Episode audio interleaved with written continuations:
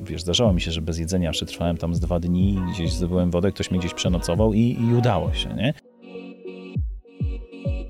To od razu zapala się lampka Europejczykowi i tam jest niebezpiecznie. Europa jest zła. E, my, my, my zmieniamy Afrykę, zmieniamy tych ludzi. Powiedz mi, ja zapomnę. Pokaż mi, ja zapamiętam. Pozwól mi doświadczyć, a zrozumiem. Nie ma więc lepszego sposobu na poznanie i zrozumienie świata niż podróże. Ucz się świata. Podcast Ludwika Pisarskiego. Zawsze marzyłem o mhm. podróżach. Nie wiem skąd się to wzięło. E, nie potrafiłem skupić się. Nie byciu strażakiem, policjantem. Nie, nie, nigdy. E, Batmanem. Od kiedy pamiętam, zawsze, zawsze interesowało mnie to, co jest dalej. Ja pamiętam, mhm. że w czasach, w których ja się wychowałem, wyjechanie za granicę nie było takie oczywiste i gdzieś tam e, ja pierwszy raz, e, do, pamiętam, że moja pierwsza zagraniczna podróż, podróż, przekroczenie granicy to było z Czechami. Ja pamiętam, że jak przekroczyliśmy z rodzicami, byliśmy w górach i pojechaliśmy do Czech, to ja patrzyłem, wow, dla mnie to był inny świat, więc... Ja uwielbiałem do Słowacji przekroczyć. Od razu nawet sklepy były inne. Tak, też, też, też, to, też pamiętam te czasy, więc dla mnie to było coś niesamowitego, bo ja bardzo długo nie wyjechałem za granicę, mm -hmm. w sensie bardzo długo. Nie wiem, myślę, że miałem jakieś 7-8 lat dopiero, jak udało mi się e, wyjechać za granicę z rodzicami, więc e, ja zawsze marzyłem o tym, co jest po drugiej stronie naszej e, granicy. Ten świat wydawał się taki inny i chyba i tak mi po prostu zostało. Uwielbiam odkrywać. W podróży najbardziej fascynuje mnie nieznane nie interesują mnie miejsca gdzieś tam oblegane turystycznie. Jeżeli coś jest oblegane turystycznie i wszędzie chwalone w internecie i gdzieś w ogóle znajduję masę opisów tego miejsca, to już się dystansuję i myślę sobie, nie, szukam dalej, mhm. szukam gdzieś indziej.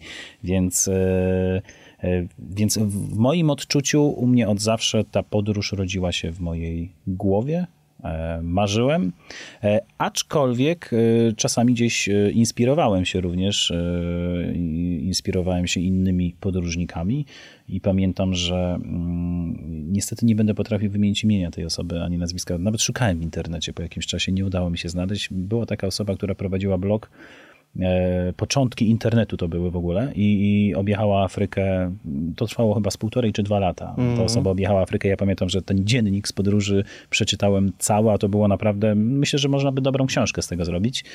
E, no i gdzieś to z nim przepadło, bo to było już x lat temu a, i to też mnie zainspirowało do tych dalekich podróży. Świetna sprawa. A czy w takim razie od tych pierwszych podróży do Czech E, tych pierwszych dziecinnych wyjazdów ten świat się w twoim wyobrażeniu skurczył? Tak.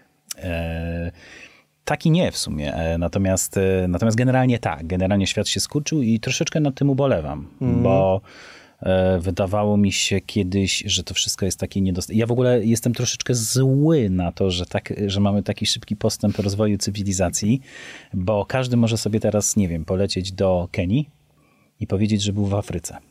E, i, i, od, i odhaczyć sobie. Byłem w Kenii, znaczy nie umniejszając Kenia, oczywiście Afryka też, ale Oczywiście, rację, że... ja w ogóle uważam, że Kenia to jest świetny kraj.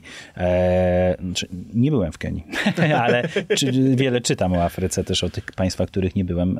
E, zawsze przygotowuję się mocno mm. przed wyjazdem. Natomiast e, no bycie, a poznanie kraju, podróż, a turystyka, no dwie różne rzeczy. Owszem, no no tak wygląda dzisiejszy świat. No można zwiedzać świat, może to robić każdy, może to robić z biurem podróży, może to robić na własną rękę. No przecież nie można od nikogo wymagać, że będzie to robił tak jak ty czy ja. E, to fajnie, że jest, że jest ten wybór, natomiast gdzieś zatracił się trochę romantyzm tych mm. wyjazdów. Kiedyś te wyjazdy takie miały w sobie taki romantyzm, że jak ktoś powiedział mi, że był w Brazylii i ja mogłem porozmawiać z tym kimś i on mi opowiedział, jak wygląda Amazonka, ja nie mogłem zobaczyć tych zdjęć i tak dalej. Teraz to po co z nim rozmawiać? Wejdziesz sobie na Google Maps, zobaczysz No dokładnie, więc, więc zatracamy, zatracamy troszkę romantyzm. Kiedyś romantyczne były książki, mam na myśli e, podróżnicze i, e, i człowiek sobie wizualizował mm. to wszystko. To, to, to było takie e, nienamacalne. Na przykład ja uwielbiałem, moją najlepszą lekturą ze szkoły było w pustyni i w puszczy. I no, ja pokochałem tę książkę. Eee, tak, a teraz jest niepoprawna politycznie. Teraz jest niepoprawna politycznie, więc e, no wiele rzeczy jest niepoprawnych politycznie, politycznie w dzisiejszych czasach. E, I faktycznie ja sobie wizualizowałem to, jak wygląda mm. Afryka, jak wyglądają te dalekie tereny, w sumie nie aż tak dalekie. A na dzień dzisiejszy Sudan czy Egipt no, są na wyciągnięcie, na wyciągnięcie ręki, więc troszkę ten świat się troszkę ten świat się no, jednak skurczył i ja troszkę ubolewam nad tym. No jakby mi ktoś kiedyś powiedział, że po pierwsze, że w ogóle będę kiedyś w Afryce, a po drugie, że będę miał tam miejsca, do których będę wracał, to bym w ogóle w to nie uwierzył. Przecież to jest drugi koniec świata, a w tym momencie pewnie też tak masz, że masz jakichś znajomych, z którymi masz kontakt z tych podróży, więc ten świat faktycznie jest zupełnie inny. E, ja się też zawsze boję przed podróżą oglądać i czytać wręcz, za, znaczy bardziej oglądać za dużo tych miejsc. Jeszcze najgorszy jest internet, bo jak wie, że gdzieś będę podróżował, to mi podpowiada wszystkie zdjęcia, filmy, jakie tylko mhm. są dostępne. I ja się zawsze boję, że na obrazku może to wyglądać lepiej niż w rzeczywistości. Ja się już na coś nastawię i w ogóle wtedy będzie z tym dużo gorzej. Zgadza się, mi też się tak zdarza, więc. E, no, ale niestety no, ta ciekawość powoduje, że wałkuje ten internet.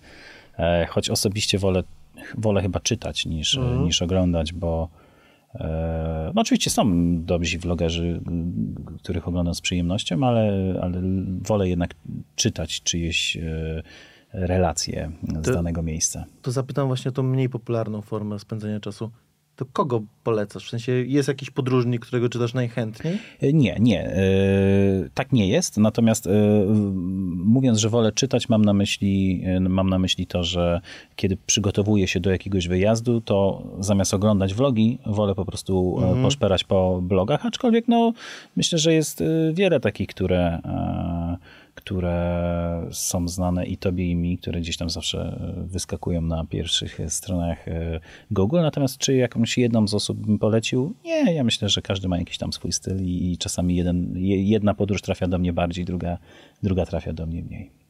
No to jakby zupełnie nie trendująco, bo teraz przecież tylko obrazki.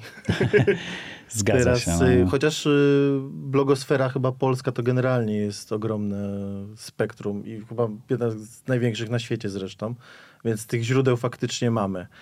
Zgadza Sporo. się, zgadza się. No, natomiast ja nie jestem w tym dobry. Nigdy mm. nie byłem dobry jakby w social mediach. Yy nie znam się na nich, mówię zupełnie. Miliony na TikToku się nie zgadzają. No, ale to przypadek, naprawdę, czysty przypadek. A tak ogólnie to ja się nie znam na mm. social mediach. No, to znaczy, e, teraz próbuję troszeczkę się w nie zaangażować, natomiast e, może nie znam się, to może złe słowo, bo ja myślę, że każdy wie, co się sprzedaje mhm. E, w internecie. Każdy wie, e, że to jest też ciężka praca, no, systematyczność i tak dalej, i tak dalej. Ja nikomu nic nie odbieram, e, ale nie potrafię się tak zaangażować. Na przykład nie potrafię się zaangażować w Instagrama. Nie chce mi się. Najzwyczajniej w świecie nie chce mi się i jeżeli mam, nie wiem, gdzieś pojechać i pstrykać sobie zdjęcia, mhm. to mi po prostu szlak trafia.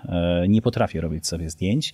E, nie potrafię pozować do zdjęć. E, to jest nienaturalne dla mnie i nie umiem. Nie umiem i w związku z tym nie mam ładnych zdjęć, to nie wstawiam na Instagrama. Nie wstawiam na Instagrama, no to też nie rozszerzam e, swoich przygód, które gdzieś tam jednak mam, aczkolwiek powiedziałem sobie, że w tym roku spróbuję coś z tym zrobić.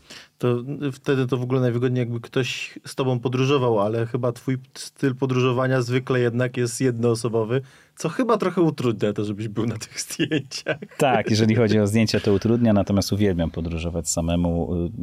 Ty podróżujesz też samemu, czy zawsze podróżujesz z kimś? Nie, nigdy jeszcze nie. Wszystkie te podróże mm. to jednak jest y, w większym gronie. Świetna sprawa jest podróżowanie samemu i uwierz mi, jak raz spróbowałem, to już po prostu yy, jako taką podróż, mhm. typową podróż, nie wycieczkę, yy, tylko podróż, yy, nie wyobrażam sobie z kimś, bo mhm.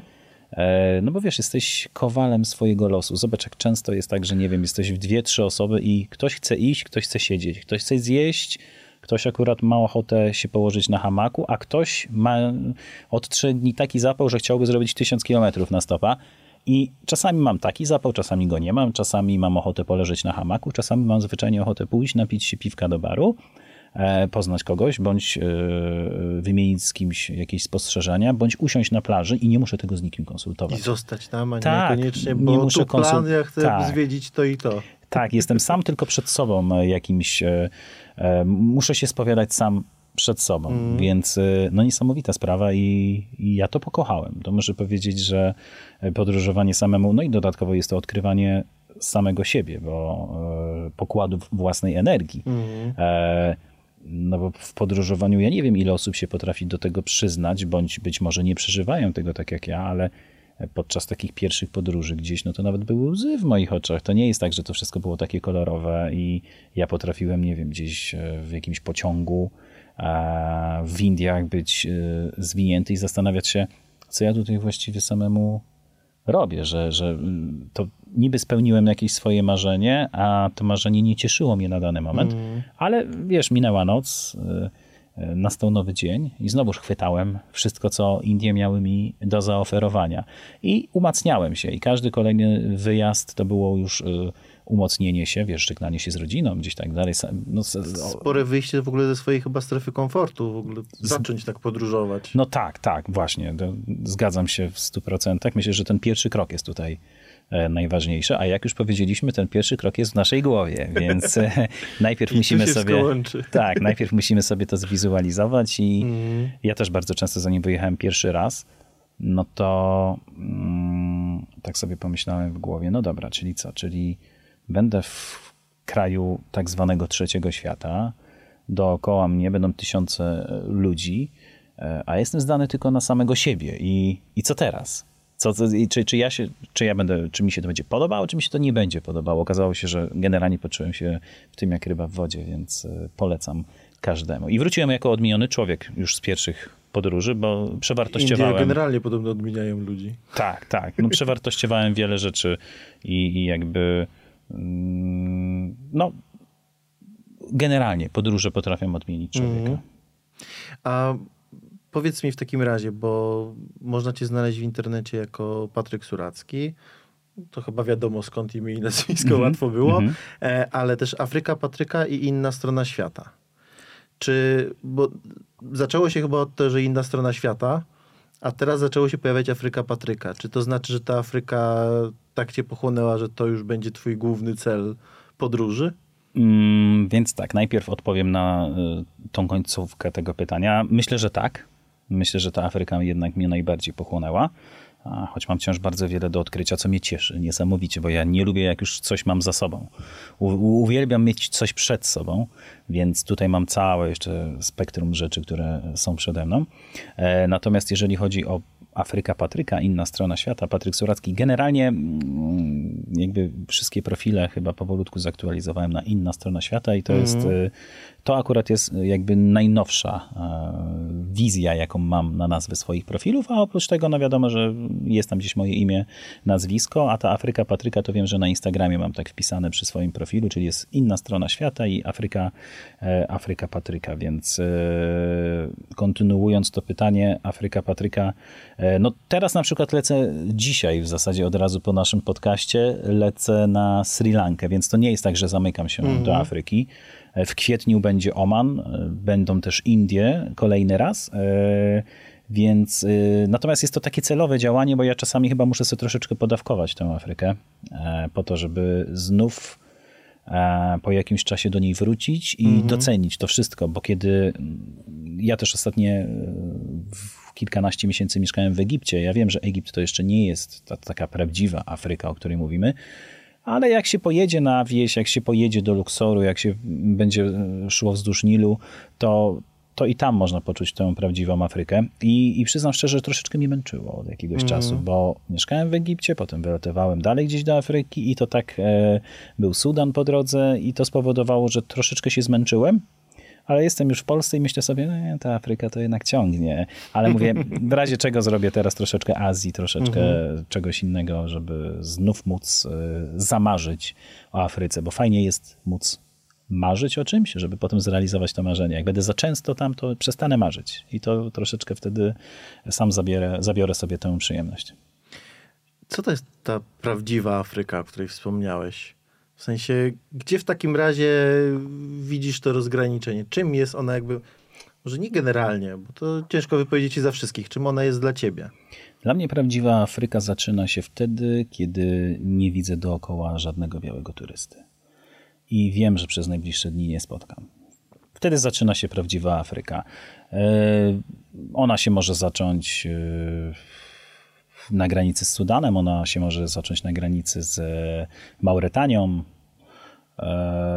może się zacząć w każdym miejscu, w którym wiem, że nie spotkam białego turysty. Czyli to może być również jakaś część Maroko. Natomiast tam dla mnie zaczyna się ta, ta prawdziwa Afryka, kiedy ja jestem atrakcją samą w sobie. Nie to, żebym ja miał jakieś braki z tym związane, żeby, żebym chciał być tą atrakcją, nie o to mi w tym chodzi, ale kiedy widzę, że, mm, że ktoś nie chce e, na mnie zarobić, mhm. bo on jeszcze nie jest przyzwyczajony do turystów, e, bo on jest tak samo ciekawy mnie, jak ja jestem ciekawy jego i on chce mi pomóc generalnie.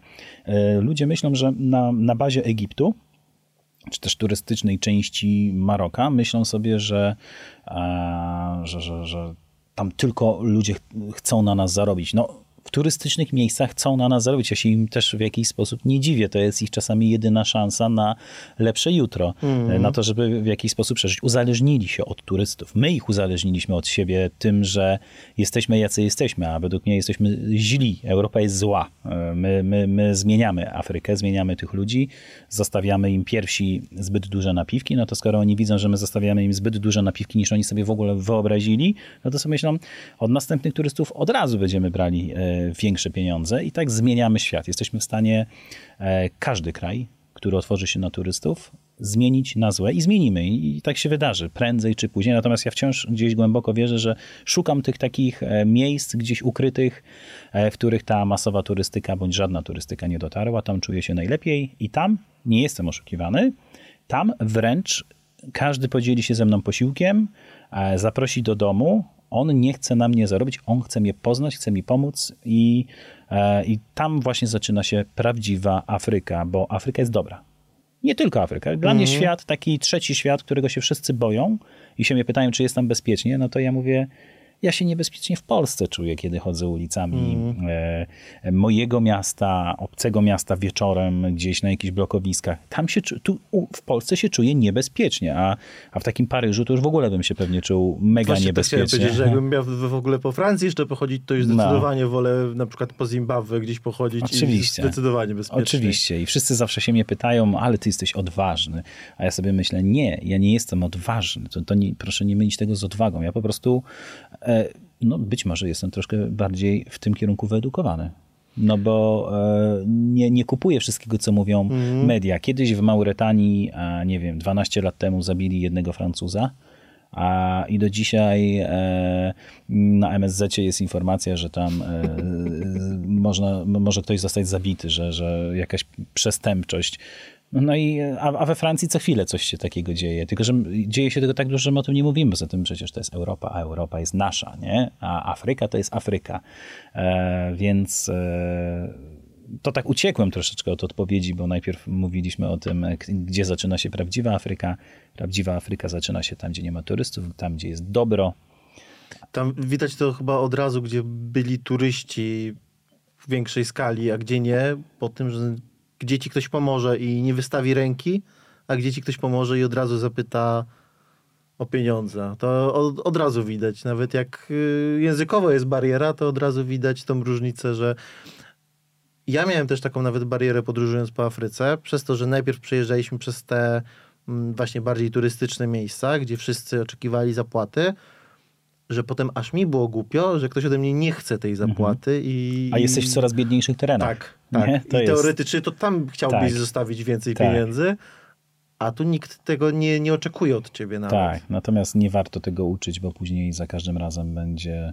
E, no kiedy ja mówię e, Często nawet na moich TikTokach gdzieś e, mówię o tym, że nie powinniśmy e, zostawiać, e, dawać dzieciom cukierków. Mm. No to w ogóle, czy to psuje zęby, no, nie ale, jest w ogóle dobre. No, ale w ogóle te dzieciaki później będą widziały białego, że mhm. tak powiem, Europejczyka, o, tak będzie bardziej poprawnie, Europejczyka, który tam przyleci i będą biegały, bo będą chciały, wiedziały, że on coś rozdaje. Uczymy ich od razu tego, że rozdajemy cokolwiek i, i, i, bardzo często spotykam się z hejtem w komentarzach, na przykład, żeby nie zostawiać zbyt dużych napiwków, czy, czy w ogóle nie dawać napiwku. Jeżeli coś kosztuje, nie wiem, 10 ichniejszej waluty, to zapłaćmy za to 10, nawet jeżeli dla nas to tylko 2 zł i wydaje mm. nam się, że to jest abstrakcyjna cena, to nie, ona, to jest tyle warte. Nie, nie uczmy ich, że biały zostawia On sobie więcej. to wycenił, to nie jest... Tak, i oczywiście. Ty i, chcesz płacić mniej. Tak, no i ludzie mi tam zostawiają, nie rozumieją tego. E, nie wdaję się zbyt mocno w tę dyskusję, bo ja już wszystko powiedziałem, co miałem do powiedzenia. Jeśli ktoś tego nie zrozumiał i mówi, dlaczego nie mogłabym dać więcej, dlaczego, skoro oni są biedni. Mhm. Czy Afryka jest biedna? W ogóle trzeba sobie zadać to pytanie, czy Afryka jest biedna. Znaczy bo... w naszych standardach i naszym postrzeganiu świata na pewno. W naszym postrzeganiu świata no na pewno. E, ale właśnie e, oni nie mają takich potrzeb jak my i przyznam szczerze, że myślę, że więcej ludzi E, no nie wiem, może inaczej. Kiedy powiem, że myślę, że więcej ludzi tutaj e, jest biednych e, i potrzebujących pomocy niż w Afryce, nie wiem tego, bo nie mam statystyk, mhm. więc byłoby to pewnie, mogłoby to być nadużycie tego zdania. Natomiast ja przemierzając Afrykę, uważam, że więcej pomocy jest potrzebne ludziom w Europie, wielu tutaj z naszego najbliższego otoczenia, niż w Afryce. Ludzie w Afryce radzą sobie świetnie, są przystosowani do tych warunków. Oni nie potrzebują telewizji, oni nie potrzebują wysokich standardów, bo oni ich nie znają. Oni mają wszystko, co potrzebują. Tam głodni... Choć często to mają telewizję, mają smartfony, a, a nam się wydaje, że dom biednie wygląda tak, i tak dalej. Tak, tak, no, a smartfon jest. A smartfon, najnowszy telewizor, Oczywiście, wszystko jest w Tak też się zdarza. Oczywiście nie wszędzie, ale, ale, ale faktycznie takie fenomeny też są. Nie wiem, czy widziałeś, um, kiedyś um, chyba bodaj Szwecja nagrała piosenkę o tym, żeby pomagać Afryce i jakieś zbierali datki i tak dalej. I... Um, chyba z Maroka jakiś zespół nagrał w drugą stronę. E, zbieramy grzejniki dla Szwecji i nagrał tą samą parodię, że to my pomagajmy mm biednym dzieciom w Szwecji, bo tam zamarzają wszystkie i trzeba im wysłać grzejniki. No to, no to fajnie, fajnie. Jako odpowiedź Taka tego, że odpowiedź, postrzeganie że... Afryki jako wszędzie biednie, wszyscy głodni, to też nie jest dobre. Oni sami tak często mówią, że nie postrzegajcie nas jako biednych. Bardzo no często tak się zdarza, że oni sami mówią, ale my nie jesteśmy biedni, dlaczego wy tak myślicie? Więc, yy, więc to już jest taka abstrakcja, bo my, najgorsze co może być, my mierzymy ich swoją miarą nie wolno nikogo mierzyć swoim. Ja też kiedyś popełniałem ten błąd. E, nie wiem, na przykład zdarzało się, że ja potrafiłem komuś zwrócić, znaczy zwrócić, no, zwrócić uwagę to może złe słowo, ale nie wiem, skomentować na głos to, że ktoś mieszka na jakiejś wsi, e, która jest oddalona, nie wiem, o 25 km od najbliższej szkoły mm. i sobie myślę, kurczę, będziecie mieli problem, jak będziecie mieli dzieci, czemu nie przemyśleliście tego, a za chwilę sam się łapię na tym, kurczę, zmierzyłem ich swoją miarą. Może co, co, mnie w sumie y, interesuje, to czy oni będą mieli, mhm. jak to zrobić, czy nie, skoro podjęli taką decyzję, znaczy, że to przeanalizowali. Być może śmieją się z mojego pytania, że ja zmierzyłem ich swoją miarą, a oni są na przykład nie wiem, ileś do przodu w swoim myśleniu i, i to ja tak naprawdę e, mam błędne postrzeganie e, ich życia i ich decyzji. Więc no, to jest chyba największy błąd, jaki możemy popełniać, to mierzyć kogoś swoją miarą. A niestety Europa robi to, nie tylko Europa, ale świat cywilizowany, tak zwany, świat zachodni, mm, myśli, że jest lepszy i mierzy swoją miarą e, zupełnie niepotrzebnie. Ja, słowo, które mi chyba towarzyszyło przez większość e, krajów afrykańskich francuskojęzycznych, to kadu dzieci biegnące za samochodem i krzyczące kadu, kadu, kadu. Mhm. To jest chyba jakiś podarek Mhm. I dzieci masowo przez jakiejkolwiek miejscowości biegły za samochodem krzycząc kadu, dajcie. Tak, też się z tym spotkałem. W sumie to przypomniałeś mi teraz to słowo. No. przypomniałeś mi to słowo, także... To było hasło, które towarzyszyło nam przez dwa miesiące bite w każdym miejscu. Tak, a to najgorsze też, bo muszę powiedzieć, że te były kolonie francuskie odwiedzane są przecież przez Francuzów, no bo oni tam mają swoje na przykład restauracyjki, mhm. spędzają tam zimę, w ogóle swoje interesy tam rozkręcają. E, dużo Francuzów wtedy podróżuje przez te były kolonie francuskie.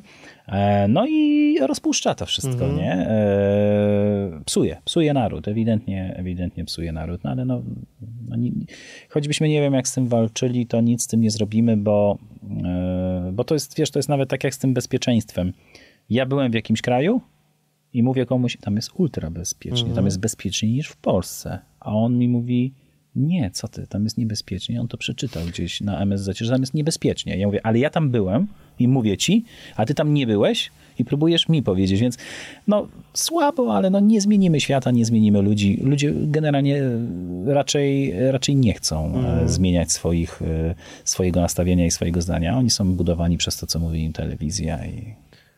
A oprócz tego, jakie jeszcze mm, stereotypy o Afryce miałeś albo słyszałeś może od bliskich, od rodziny, znajomych przed swoim pierwszym wyjazdem tam, które wiesz, że się kompletnie nie sprawdziły?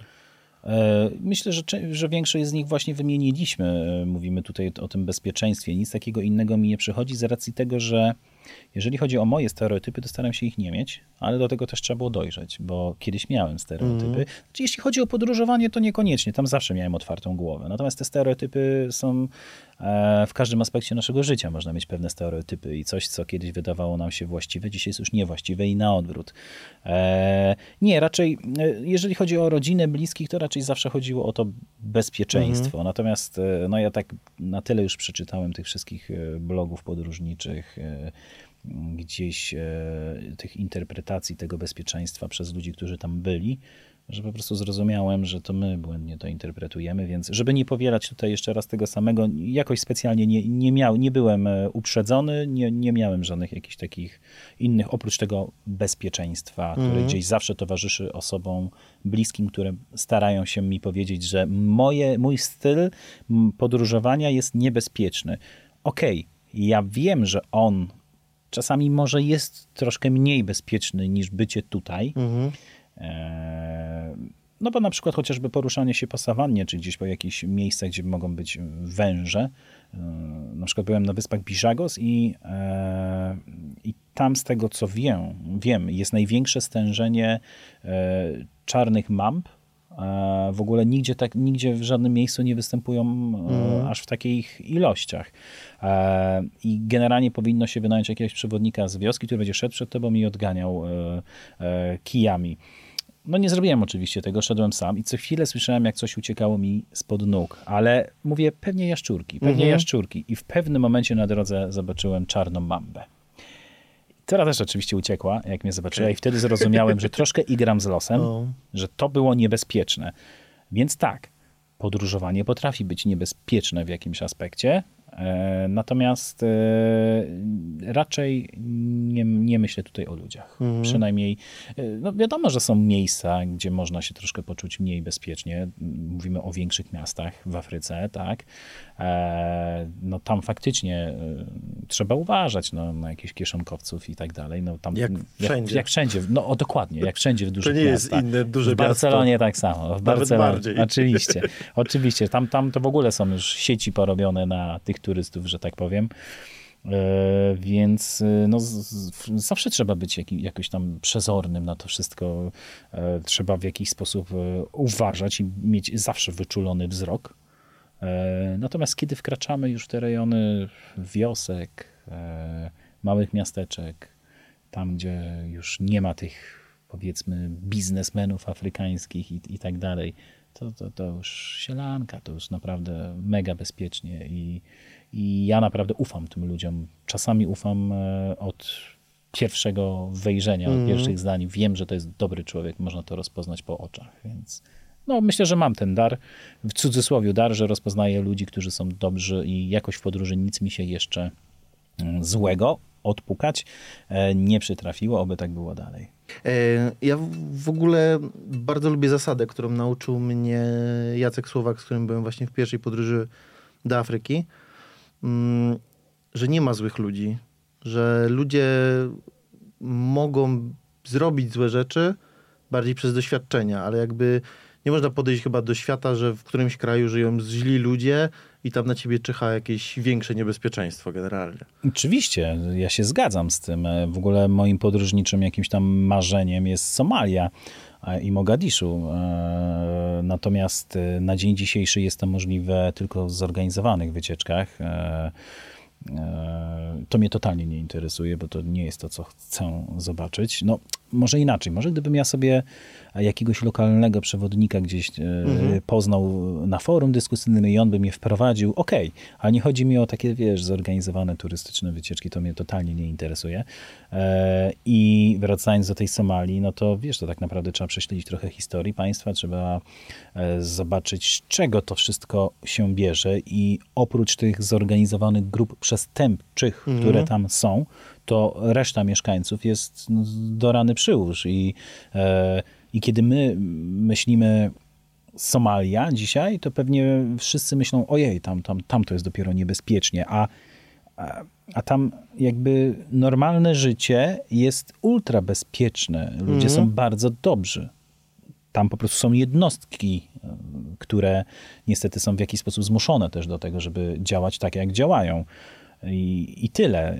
Ja na przykład, ja za niebezpieczne miasto uznałbym Johannesburg. E, Oj, tak. RPA. Oj, tak. I to uważam, że to miasto jest niebezpieczne. Tak. Nie byłem, ale prawie byłem w tym roku, bo, e, bo mm, zastanawiałem się, żeby przez RPA jechać i przez Mozambik mhm. później i tam dotrzeć do Tanzanii. E, ostatecznie robię inną trasę.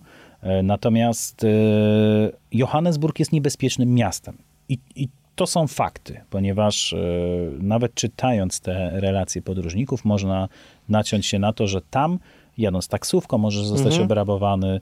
E, byłeś w Johannesburgu? E, tak, byłem w Johannesburgu i w Pretorii mam znajomych Polaków, którzy mieszkają. Mhm. Pretoria to jest w sobie część tak, Johannesburga, tak, tak, tak. oddzielna miejscowość.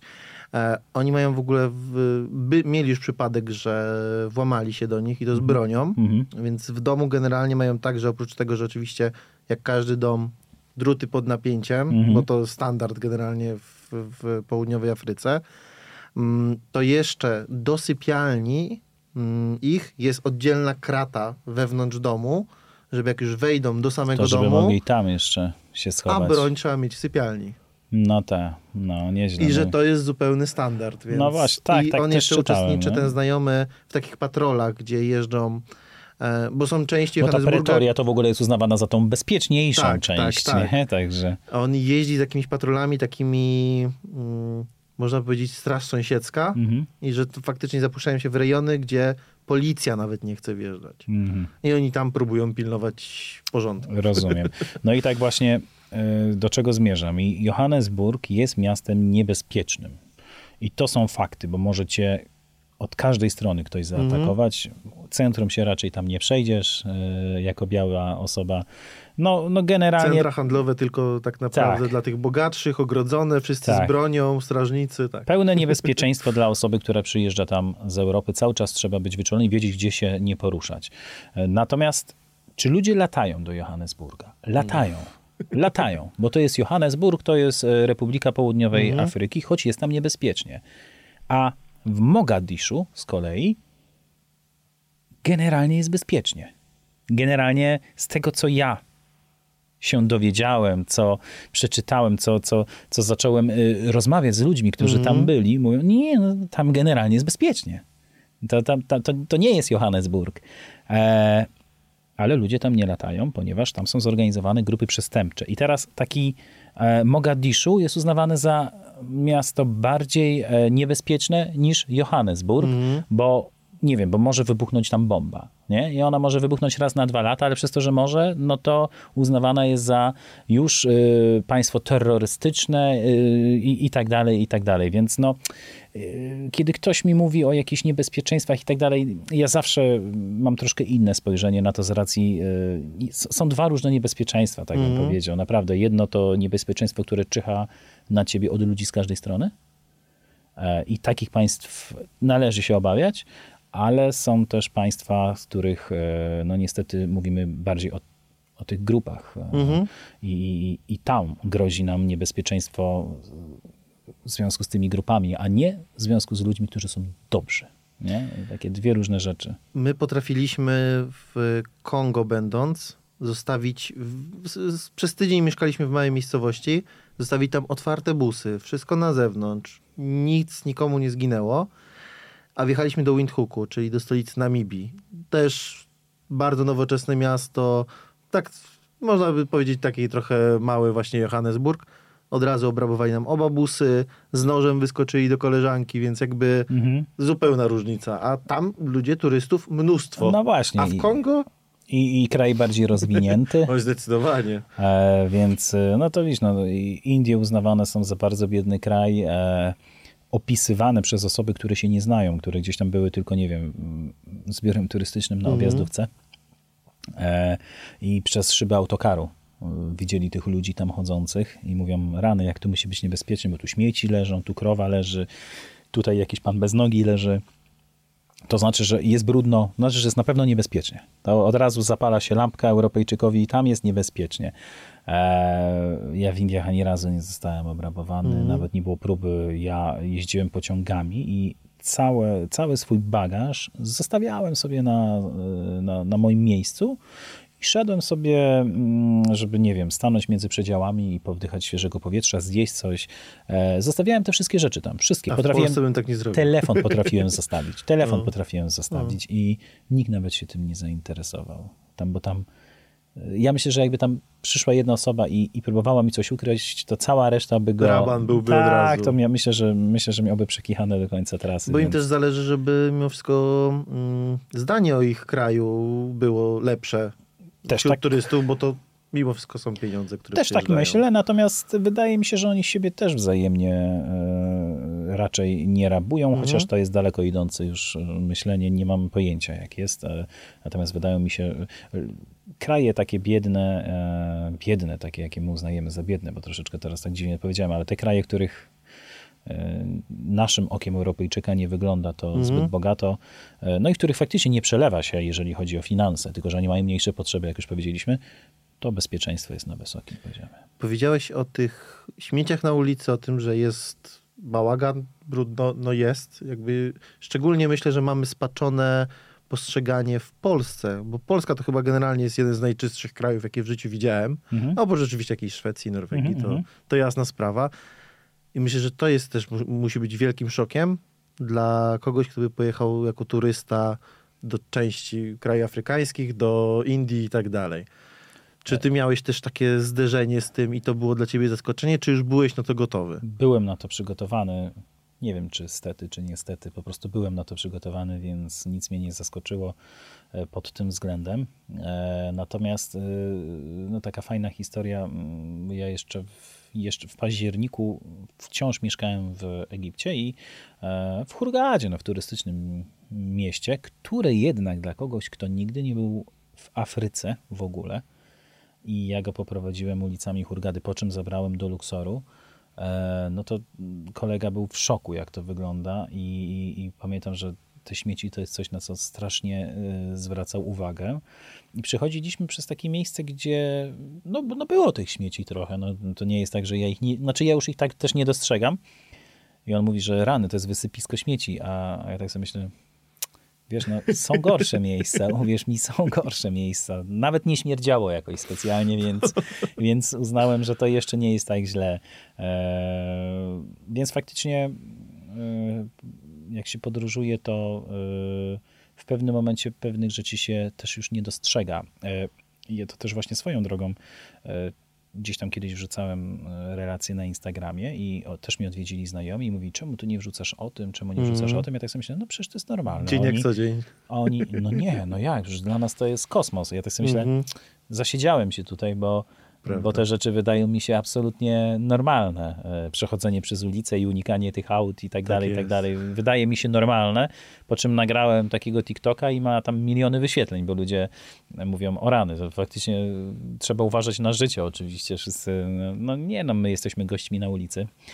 Jezdnia jest stworzona dla... Ja w ogóle lubię ten przepis. Nie? Ja Mhm. w ogóle nienawidzę tych naszych przepisów, których każą nam zatrzymywać się na przejściu.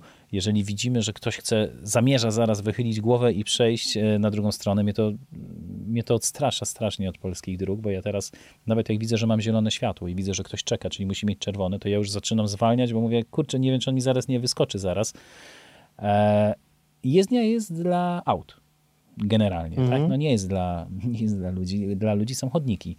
Więc moim zdaniem naturalnym jest, że to ludzie muszą uważać na jezdni, a nie ci, którzy są uprzywilejowani Mhm. na niej, czyli e, pojazdy zmotoryzowane. Więc dla mnie jest to zupełnie normalne, że kiedy przechodzę nie na pasach w Egipcie, nawet na pasach, ale kiedy tym bardziej nie na pasach, bo mogę, bo nawet przy policjancie, Mhm. bo on mówi, no dobra, no jak chcesz, to sobie ryzykuj sobie przechodź, twoja sprawa, bylebyś nie wstrzymywał ruchu. Mhm. Więc ja czekam tak długo, żeby przejść na drugą stronę i tyle. No i mi to nie przeszkadza totalnie, więc ja to lubię, ja lubię te przepisy, ja lubię tą samowolkę, bo samowolka powoduje, że e, w tej... Samowolka jest najzdrowsza.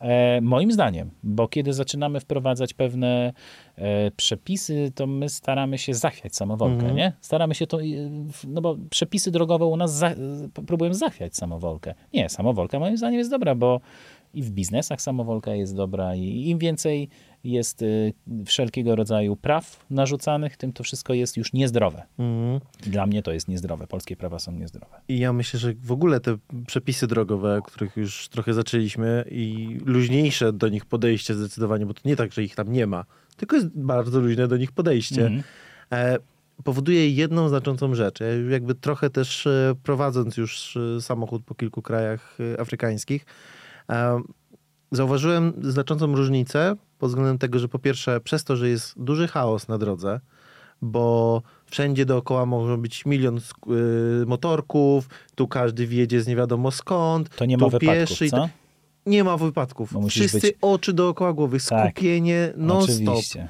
Dlatego jakby ktoś w Polsce zaczął przechodzić przez jezdnię, tak jak mówisz, to gwarantowany wypadek, bo tu kierowca telefon, rutyna, wyłączył się już umysł, on jedzie po prostu prostą drogą, za kimś koniec. Ja nawet w jednym z materiałów o tym mówię, że e, moim zdaniem, to jest moje zdanie, oczywiście ktoś może się z nim nie zgodzić, moim zdaniem na bazie moich doświadczeń życiowych, e, jazda bezprzepisowa, Mhm. gdzie większy ma pierwszeństwo, jest najzdrowszą jazdą, ponieważ każdy ma wyczulone cały czas wszystkie zmysły i e, u nas jeździmy na pamięć. U nas jak jest znak Tak stop, jest. to się zatrzymujemy. Tak jest. E, Nasze przepisy są świetne, tak długo, jak wszyscy ich przestrzegają.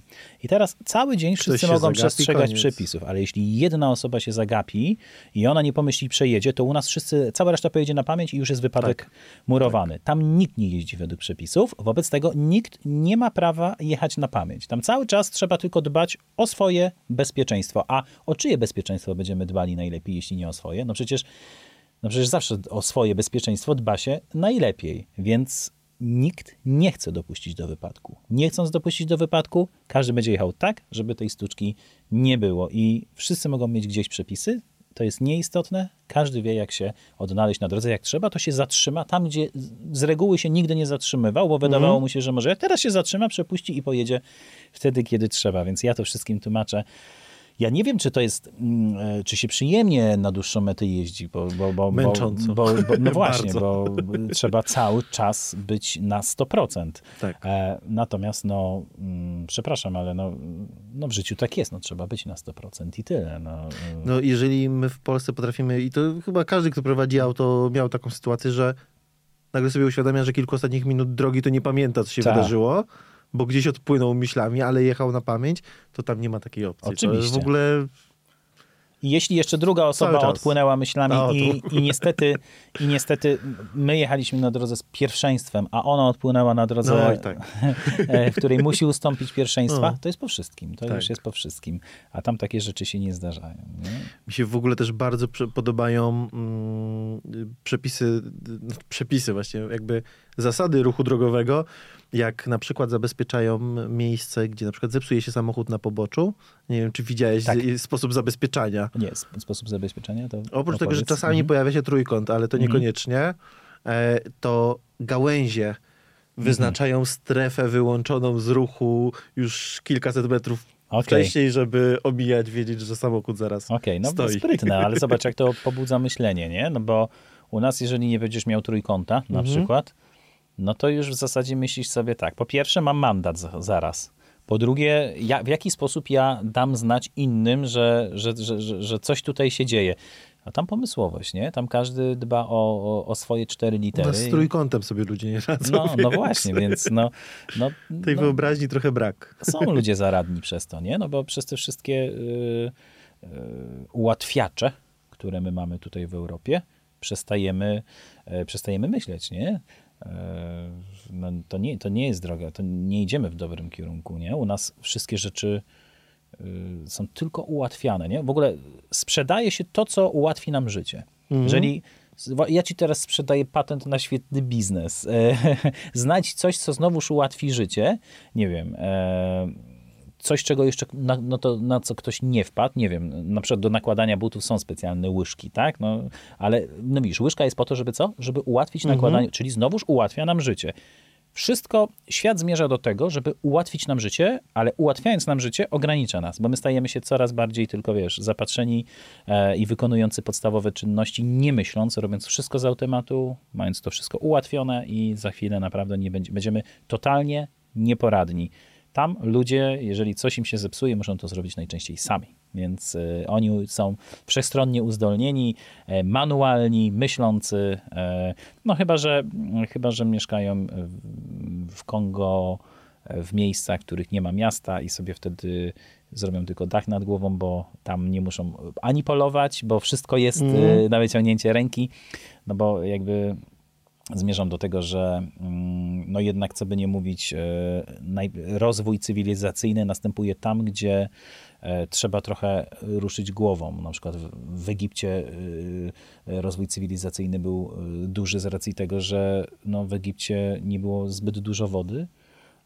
Są też zimy, więc trzeba było na przykład budować domy, które w jakiś sposób e, pomagały przetrwać te chłodniejsze dni. W Kongo nie trzeba tego robić, więc e, tam rozwój był swego czasu mniejszy. Więc to, widzisz, to jest tak, że e, u nas w Europie ten rozwój swego czasu był bardzo duży, no bo mamy cztery pory roku, to powoduje, napędza nas, żeby, żeby się rozwijać, nie? jako takich ludzi gdzieś tam kiedyś pierwotnych, a, a teraz robi, robi się wszystko, żeby nas e, z powrotem e, cofnąć rozwojowo, nie? jeżeli chodzi o ludzi. A jaką najdziwniejszą rzecz na drodze widziałeś? Kreatywne podejście do transportu ludzi i imienia. Ojej, myślę, że nie, nie mam takiej jednej, którą, e, którą bym przytoczył, natomiast no, sam podróżowałem, wiesz, z jakimiś zwierzętami i tak dalej. No, to, na motorach przewożą mnie, czasami na motorach y, widziałem kozy przewożone i tak dalej. No, Najdziwniejsza rzecz, jaką widziałem na motorze, oprócz pięciu ludzi siedzących na jednym, no tak, to, kanapa. Aha. Koleś jechał na motorze, z tyłu kanapa, więc miał przy okazji wygodne oparcie, ale no to No. było dla mnie niesamowite. Albo holujące się motocykle. I tam nikt nie zwróci mu uwagi tak długo, jak nie będzie stwarzał zagrożenia. Tak, nie? oczywiście, że tak. Więc to jest świetna sprawa. Mm, Nie mam takiej jednej rzeczy, y, natomiast no, przy każdym wyjeździe zawsze jest coś, gdzie, gdzie już teraz chyba na dzień dzisiejszy się po prostu uśmiecham, bo kiedyś wywoływało to y, jakieś takie, wiesz, niesamowite wrażenie. Robiłem, zaraz wyciągałem y, aparat i robiłem zdjęcie, jak zdążyłem. Teraz czasem też wstryknę, ale teraz już podchodzę do tego, że po prostu się uśmiecham i sobie myślę, ale zaradny, ale daję radę, nie? U nas już by po prostu było... Ja lubię, jak na pace przede mną siedzi mnóstwo jakichś ludzi i tu się pouśmiecha, tu się pomacha do Tak, siebie. tak, tak. Oni ci pokibicują, żebyś dobrze wyprzedzał, ucieszą się, jak się. Słuchaj, ja, ja kiedyś w, y, też w, chyba w Gwinei-Bissau e, jechałem bucem i, i e, generalnie najpierw podwoził, podwozili mnie państwo z Francji, im się rozkraczyło auto i, i gdzieś e, jeden z busów jadących, domyśliłem się, że ten bus jedzie do stolicy, wskoczyłem do nich, natomiast oczywiście był tak przeładowany, że tam, on był chyba ośmioosobowy, nie wiem, 16-17 osób, to nor, norma, normalka. No i najpierw połowa z nich wysiadła po to, żebym ja mógł wsiąść do tyłu. Usiadłem z tyłu, no i nie ukrywam, że po godzinie jazdy mm, bardzo chciało mi się do toalety.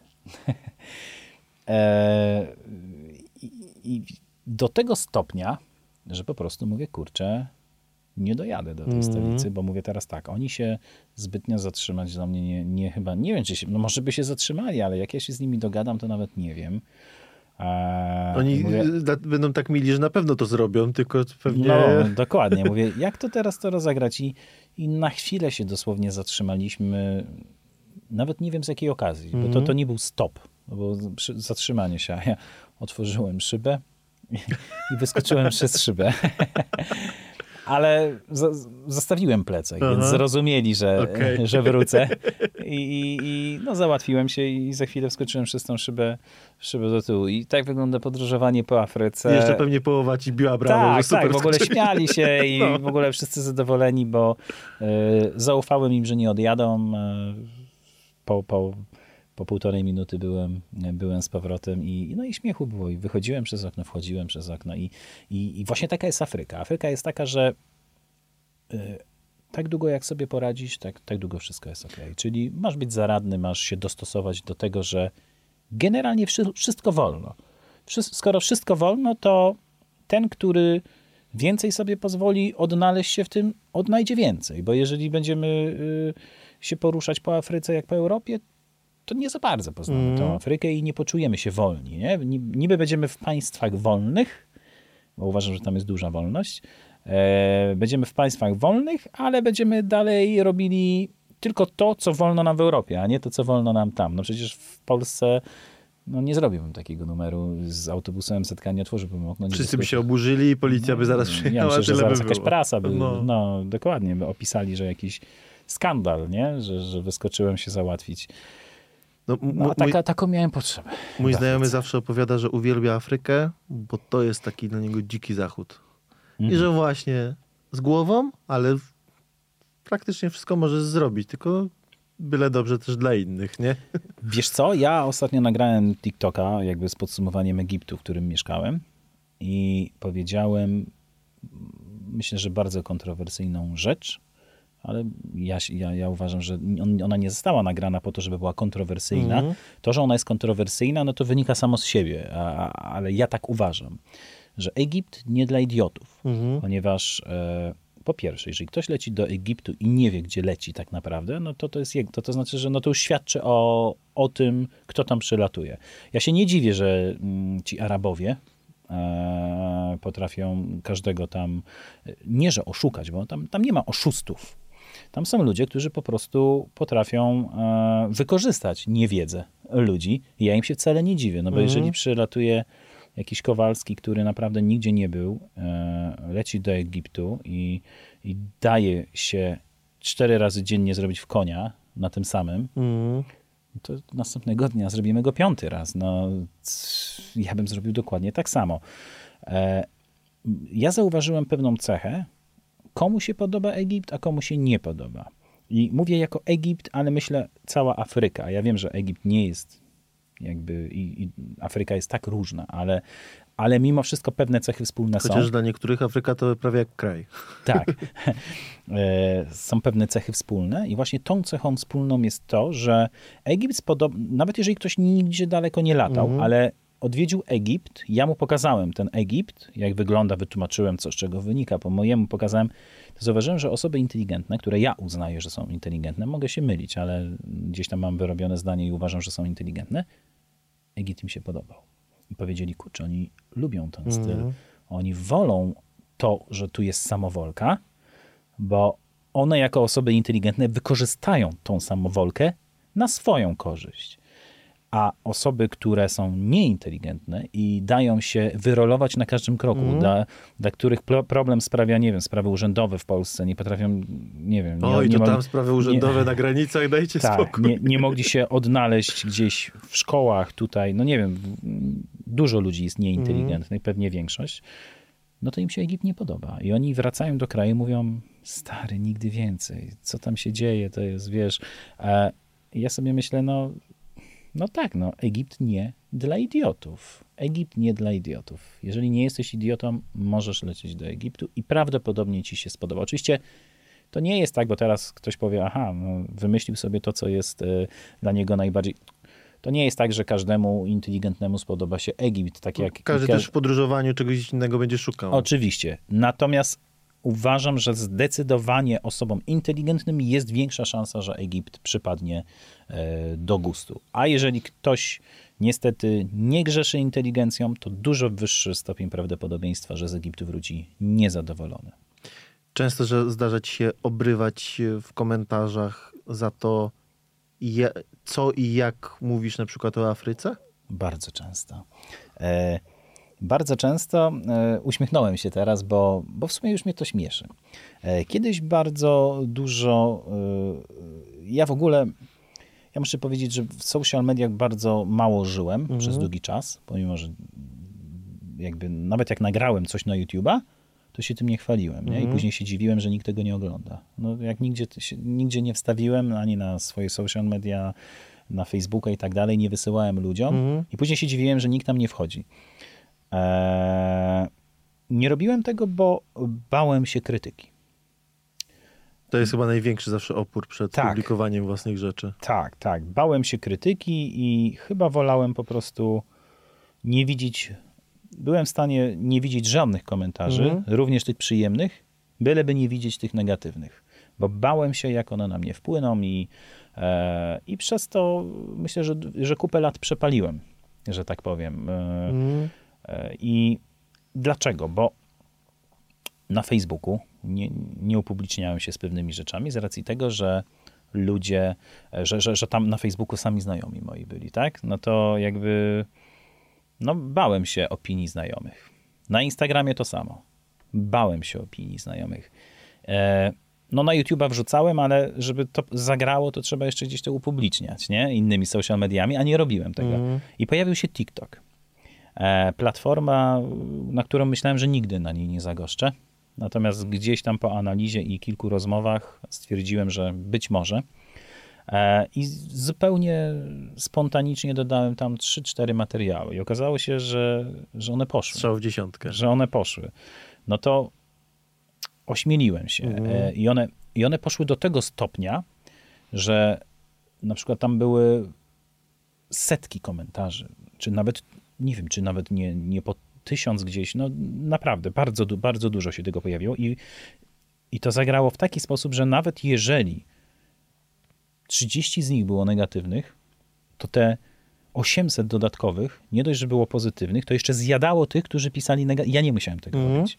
Czyli nie musiałem na nie odpowiadać, bo zostały, tamte komentarze zostały zjedzone przez osoby, które wyjaśniły im, czego tu nie rozumieją. I wtedy się ośmieliłem. I wtedy pomyślałem sobie, kurczę, jednak nie tylko ja myślę w ten sposób. I chyba nie ma się tu czego bać. I zacząłem być sobą coraz bardziej i, i myślę, że w tych social mediach o to chodzi, nie? żeby jednak być jak najbardziej sobą, żeby, no bo co z tego, że możesz być w jakiś sposób ciekawą osobą, jeśli wszystko, co ciekawe, nie pokazujesz tego, nie? Ja pamiętam, że miałem dużo przemyśleń, dużo ciekawych rzeczy nagranych, a wrzucałem tylko te e, stonowane. Bo bałem się, jaka będzie reakcyjnych, czyli nie wrzuciłem materiału, który, który, z którego ja mówię, wow, ale to jest dobre, nie? ale to jest fajne. Mówię, wrzucić to czy nie wrzucić? Mówię, nie, nie wrzucę, bo pewnie część osób pomyśli sobie, że nie wiem, głupie zachowanie, albo będą mnie oceniać teraz i To- nie robiłem tego. I, i same, przy takich tematach jak Afryka, Indie i tak, tak, dalej. To... I same takie miękkie materiały Mhm. wrzucałem, które ani nie zbierały grona osób zainteresowanych, ani niezainteresowanych. Nie było ani hejtu, ani niczego więcej. Więc to tak, bo bardzo rozwinąłem to pytanie, na które powiedziałeś, czy często borykam się z hejtem? Z reguły borykam się z pozytywnymi komentarzami aktualnie, co mnie bardzo cieszy, ale oczywiście prawie do każdego nagrania zdarzy się jakiś hejt. Co więcej, TikTok ma taką e, opcję, która filtruje ci e, komentarze, że sam e, jakby ich nie dodaje, tylko wrzuca do, do takiego miejsca, gdzie możesz wejść i zobaczyć te wszystkie mm, jakieś komentarze, które mogą być negatywne, bo już jakieś słowa zostały użyte, oni tam mają jakieś bibliotekę takich słów. Ja je akceptuję. Ja, bo gdyby mnie to bolało, to bym je kasował. I w ogóle bym, znaczy w sensie w ogóle y, y, bym ich nie upublicznił. A ja wchodzę i z automatu i się śmieję z tego, bo ja wiem, że za chwilę ktoś dodał taki komentarz, mówię, ale, to zaraz dobre, ale, tak. ale zaraz go zjedzą, nie? I akceptuję. Dobry zasięg. I czekam, aż inni go zjedzą i potem ja jeszcze czasami dodam jakieś swoje trzy grosze. E, I tyle, no więc tak, akceptuję wszystko.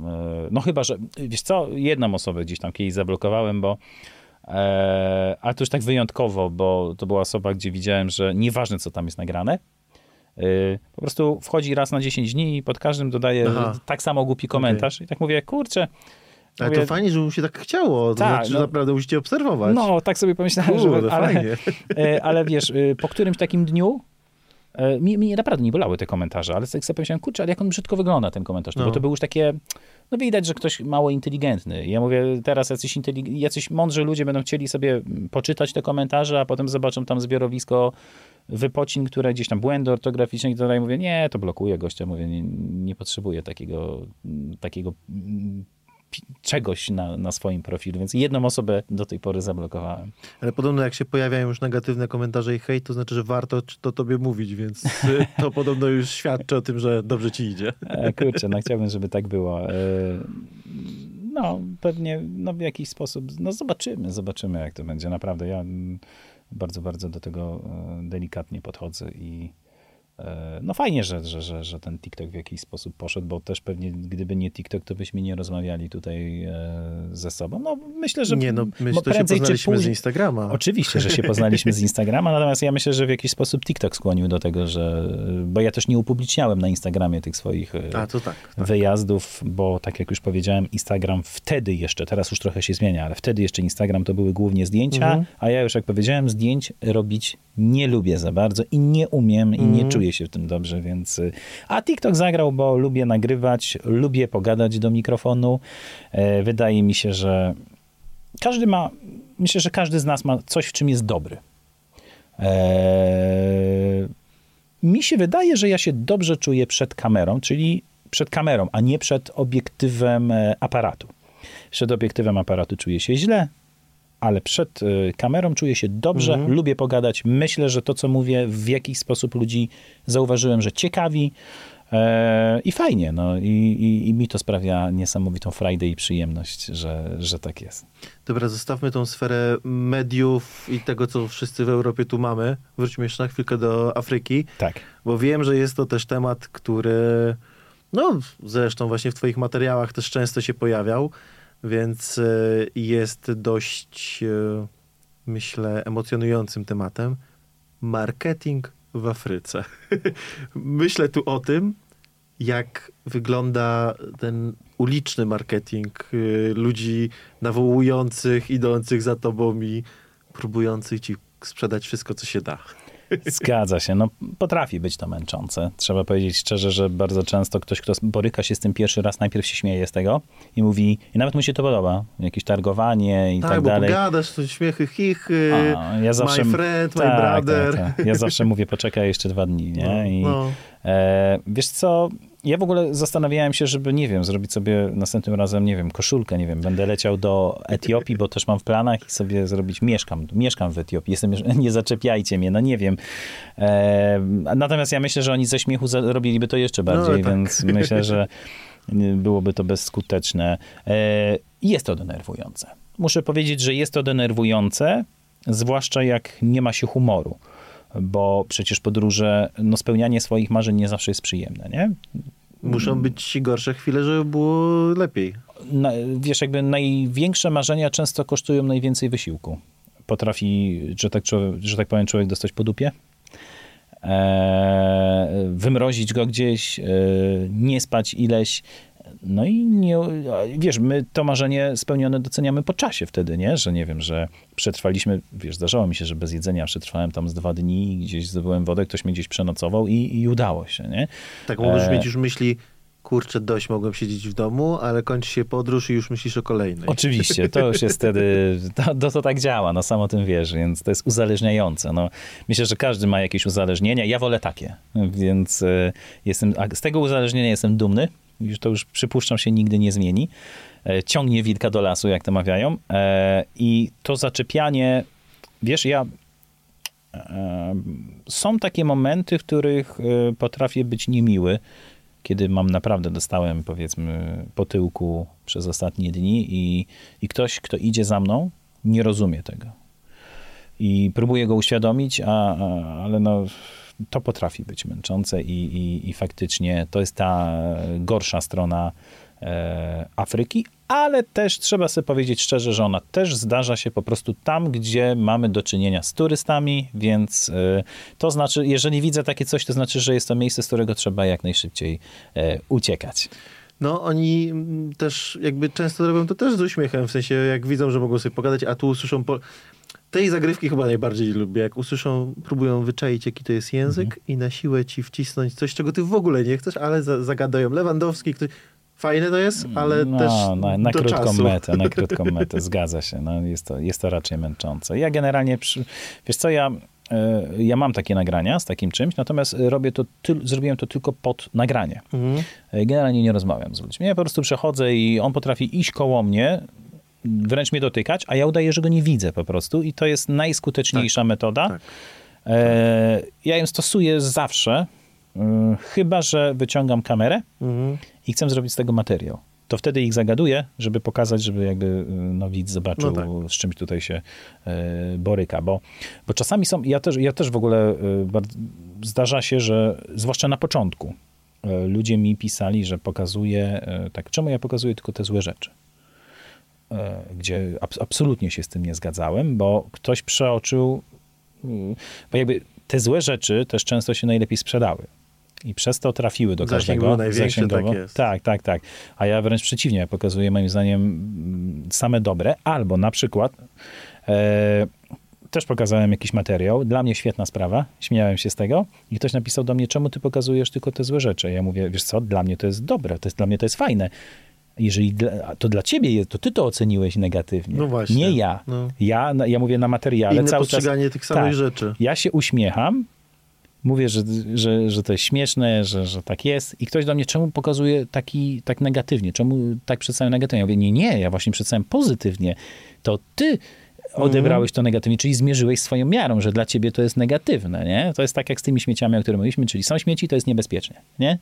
E, Ktoś, e, często ludzie mówią, e, już tak wracając do Egiptu, właśnie w którym mieszkałem, to często ludzie mówią, że baliby się przejść, wyjść z hotelu i przejść ulicami Hurgady, co ja uważam za abstrakcyjne. Tam jest tak bezpiecznie, że nic się nikomu nie stanie, ale oni mówią, że boją się przejść, bo tam jest niebezpiecznie. A ja mówię, że ja mieszkam tu i ja ani razu nie spotkałem się z żadną niebezpieczną rzeczą. I zaraz jest grono komentarzy, gdzie ludzie mi piszą, że jest niebezpiecznie, bo czułam się niebezpiecznie, albo jest niebezpiecznie, bo mnie zaczepiali. I ja mówię, ale okej, mówię, rozumiem, że cię zaczepiali, rozumiem, że czułaś się niebezpiecznie. No to może być ale, niekomfortowe na Ale początku. gdzie jest niebezpieczeństwo No teraz w tym no. wszystkim? Mówię, gdzie jest to niebezpieczeństwo? Ja mówię o, o tym, że jest tu bezpiecznie. E, Ty mi mówisz, że jest niebezpiecznie, przy czym nie przytoczyłaś mi żadnej niebezpiecznej sytuacji. Tak no bo zaczepili, no bo chcieli sprzedać. Czułaś się niebezpiecznie, miałaś prawo. Jesteś w obcym mieście, ja się czuję niebezpiecznie w samolocie, bo samolot może spaść, ale jeszcze nic mi się nie wydarzyło nigdy w Mhm. samolocie, a jednak czuję się niebezpiecznie. Ale to nie znaczy, że tam jest niebezpiecznie. I, i nie, no ludziom się nie przetłumaczę. A czy jest y, w, w tych miejscach, które już odwiedziłeś, jakieś miejsce, które chciałbyś nazwać swoim takim drugim domem? Do który, jeżeli miałbyś wybrać, to że tam byś, tak, tam mógłbyś żyć. To jest dobre pytanie, e, bo zadaję je sobie często i nie znam na nie odpowiedzi. E, Czyli wydaje mi się, że, że takie miejsce może być. Mm, Natomiast jestem przekonany, że wciąż zbyt mało widziałem, żeby móc jednoznacznie tak powiedzieć. Boję się, że wiesz, ja jestem jeszcze w tym wieku, że jeszcze mam prawo odkrywać. E, Mam nadzieję, że odkryję jak najwięcej i wciąż mam nadzieję, że znajdę miejsce, które wyprzedzi tą lokalizację, Mhm. o której myślę. E, Ja nie ukrywam, że każdy kieruje się y, jakby swoimi przyziemnymi potrzebami. E, Ja się na przykład świetnie poczułem na Wyspach Zielonego Przylądka. E, Dlaczego? Bo owszem, pewnie są miejsca lepsze, których ja mógłbym znaleźć jeszcze więcej to, czego szukam, ale też szukam jakichś dobrych połączeń z Europą, tak żeby móc w razie czego Mhm. być w miarę szybko. Szukam miejsca, w którym strefa czasowa będzie najbliższa Europie, w którym będzie ciepło, w którym będzie egzotycznie. Czyli teraz tak, na Wyspy Zielonego Przylądka każda wyspa jest inna. Są wyspy i zielone, i płaskie, i pustynne, i wul... no wszystkie są wulkaniczne, ale e, każda wyspa ma, zarówno jak i jedna wyspa ma dwa oblicza, to jeszcze każda wyspa też jest inna. E, I ja nie ukrywam, że ja lubię sobie biesiadować przy winku, przy dobrym winku. Tam jest dobre portugalskie winko. E, ludzie interesują się piłką nożną. Ja uwielbiam piłkę nożną. Strefa czasowa niemal identyczna. Czy jest ciepło? Jest ciepło. Może nie jest upalnie w zimie, ale jest cieplutko, nic więcej mi nie potrzeba. Czy są dogodne połączenia? Są świetne połączenia. E, mentalność ludzi wspaniała. Lubią tańczyć, piją rum, e, sielskie życie. E, czy jest egzotycznie? Czy, czy, czy są ładne plaże? Są.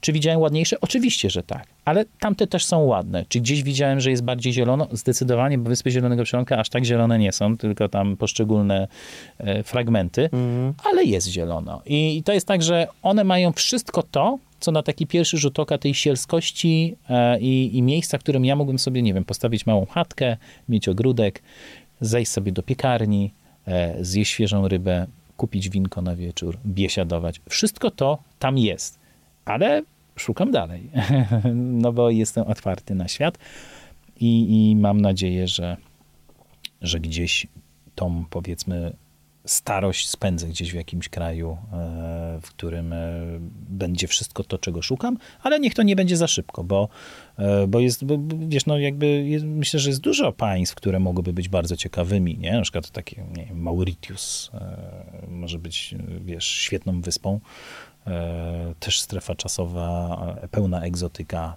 Z tego co widziałem, wynajem bardzo tani, fajne połączenia, no trochę drogie połączenia lotnicze, ale e, tylko wiesz, no jakby nie wiem, są miejsca, które mnie przyciągają, a są miejsca, które mnie nie przyciągają. Mm. I, I jakoś Mauritius mnie na razie nie przyciąga, choć pewnie kiedyś tam będę i przejdę się i być może zakocham się w tej wyspie, ale lubię jednak tej takiej trochę niedostępności, takiej Afryki, takiej e, jednak tej kabowerdeńskiej, trochę bardziej na dzień dzisiejszy. Może trochę bardziej surowej, może wiele bardziej surowej, mm. ale jednak, ale jednak. E, ale szukam, szukam. Teraz będę szukał na Sri Lance. Właśnie, bo wiem, że masz y, lot. Powiedz mi, o której jest, musisz 20.30 jest wylot, zbliża, jest 16.30. 30. No myślę, że jeszcze, jako że mam drobne opóźnienie, jeżeli chodzi o wylot, to myślę, że jeszcze 10 minutek możemy, Dobra. możemy pogadać. Dobra. E, to mam do ciebie jeszcze takie dwa pytania. Mhm. No, dwa hasła. E, powiedz mi, czego nauczyła cię Afryka? Czy jest co, albo inaczej, czy jest coś, co uważasz, że po pierwsze ciebie nauczyła, a po drugie, że warto, żeby nauczyła nas jako Europejczyków, jako ten naród zachodni, czego my byśmy się mogli od mieszkańców Afryki nauczyć? No takie zahaczamy o takie fundamentalne już tutaj pytania. E, wiesz, pewnie najwięcej takich przemyśleń mam zaraz po powrocie, mm. albo kiedy jestem tam. E, natomiast przede wszystkim, i myślę, że ty też to gdzieś odkryłeś, e, znaczy inaczej, dzisiaj odpowiem tak, jutro mogę odpowiedzieć inaczej, bo być może nie wiem, tego, czego mnie najbardziej nauczyła, właśnie sobie nie przypomnę, bo czasami tak jest, że zapominamy podstawowych rzeczy, natomiast w Europie gonimy cały czas, nie? To, to nie jest nic odkrywczego, to co teraz powiem, bo, bo ja nie lubię tej gonitwy, nie? Sam czasami w niej uczestniczę, bo to, że czegoś się nie lubi, nie znaczy, że w czymś nie uczestniczymy. No, czasami jesteśmy wręcz wciągnięci bez, bez naszej wiedzy w pewne gonitwy. A z reguły zawsze tak jest.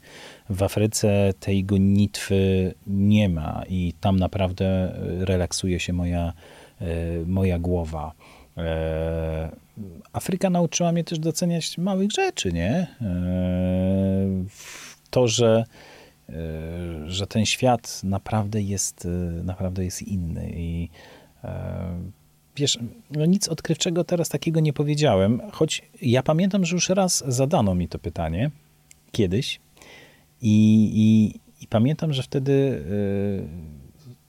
znalazłem coś fundamentalnego, fajnego, ale dzisiaj nie mogę wrócić do tego głową. Być może zaraz mi się przypomni, to ci jeszcze o tym powiem. Natomiast to z takich podstawowych rzeczy E, na pewno.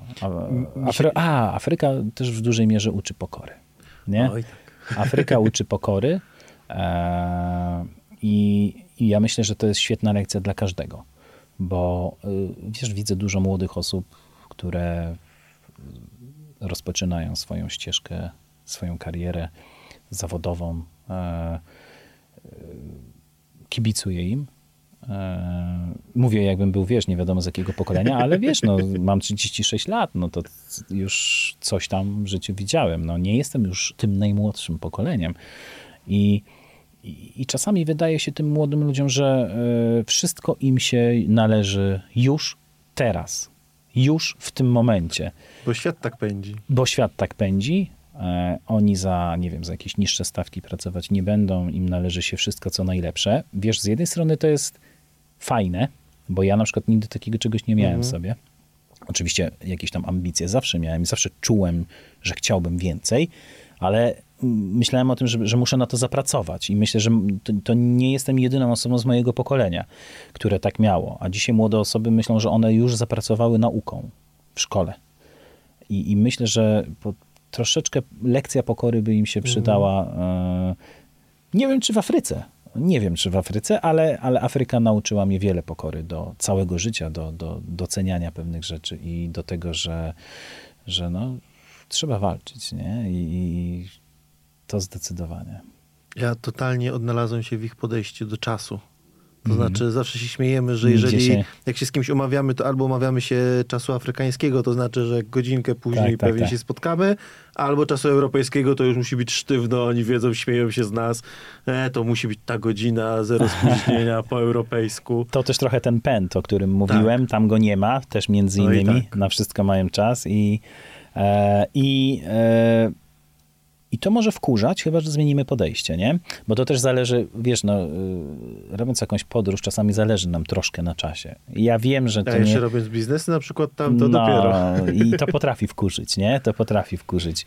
E, ale czasami po prostu trzeba, nie wiem, pójść do baru na piwko, i, i zresetować te emocje i powiedzieć sobie, kurczę, jestem w Afryce, jestem w miejscu, o którym marzyłem. tu jest, tu jest sawana, tu piękna afrykańska akacja, tam za chwilę jakaś zwierzyna, a, e, a ja sobie siedzę i piję piwko z miejscowymi i no dobra, no poczekam, no poczekam. Nie? I no czasami tak po prostu trzeba do tego luźno podejść. Nie jest to łatwe zawsze, Szczególnie na początku no, trzeba się tego nauczyć, przyzwyczaić tak, trochę do tego. Tak, tak. Mi się bardzo podoba mm, powiedzenie, które słyszałem wiele razy zresztą w Afryce, że to my w Europie mamy zegarki, oni mają czas. oni mają czas. Tak, ja też je słyszałem. No to bardzo znane, ale tak, ale tak też. No, kto będzie podróżował przez Afrykę, no to na każdym kroku się z tym spotka, że my mamy zegarki, a oni mają czas i w zasadzie, o ile brzmi to abstrakcyjnie, tak jest. to jest to absolutnie prawdziwe i, i to trzeba samemu przeżyć, żeby, żeby zrozumieć. Nie? Powiedz mi z racji tego, że to jest podcast Ucz się świata, to zawsze zadaję takie jedno pytanie każdemu gościowi. Czy warto uczyć się świata? Czy warto uczyć się świata? Nie znam odpowiedzi innych, e, więc nie wiem, na ile to będzie e, dla kogoś rozwijająca odpowiedź. Natomiast myślę, że e, jakby jak najbardziej. No, warto się uczyć świata, bo y, ucząc się świata, uczymy się siebie. Takie jest moje podejście do tego, bo e, możemy, raz, że możemy ucząc się świata lepiej zrozumieć swoje zachowania, podpatrując innych w różnych częściach świata, naprawdę zaczynamy odkrywać pokłady swojej, nie wiem, e, czasami upartości, wad, e, jak i również rzeczy, które my mamy do zaoferowania światu, bo ucząc się świata, my też możemy uczyć świata innych. E, warto, warto uczyć się świata, warto uczyć się samego siebie. To są te dwie rzeczy, które wzajemnie jakby moim zdaniem się e, uzupełniają i warto być ciekawym świata przede wszystkim, bo żeby uczyć się świata, to trzeba być ciekawym świata, nie? No bo e, łatwo powiedzieć, uczy, uczyć, że trzeba uczyć, że warto uczyć się świata, ale jeżeli ktoś nie jest ciekawy świata, to nawet jeżeli usłyszy to od czterech osób, to nic z tego nie wyciągnie, nie? A, A nawet jak gdzieś pojedzie i nie będzie dla niego otwarty, to i tak się niczego nie No, nauczy. dokładnie, dokładnie. To jakby to powie, że tam było głupio i, i że go zaczepiali, więc e, tak, warto uczyć się świata zdecydowanie. E, moi drodzy, Patryk Suracki, um, inna strona świata, Afryka Patryka, ale nie tylko Afryka, bo właśnie chociażby Indie i pewnie w najbliższym czasie też inne e, części świata. Oczywiście, jak ja zachęcam do zajrzenia na wszystkie media społecznościowe. Wszystkie linki znajdziecie oczywiście w opisie na dole. E, no a mi nie pozostaje nic innego, jak bardzo Ci podziękować i życzyć Ci samych sukcesów i spełniania marzeń. To ja bardzo dziękuję za, za bardzo fajną rozmowę, bo e, tak jak już też wspomnieliśmy przed rozpoczęciem podcastu, zupełnie inaczej rozmawia się z osobą, która też podróżuje po świecie i pewnie może widziała więcej niż ja, e, niż z osobą, która marzy o tym, żeby podróżować, albo po prostu chce przeprowadzić rozmowę, bo bo tutaj pytania nie były banalne, więc... Jest, Boże, jak się stresowałem. więc fajnie, fajnie. To też dla mnie była czysta przyjemność. Dzięki jeszcze raz. I wam dziękuję, że z nami byliście. Dziękuję bardzo.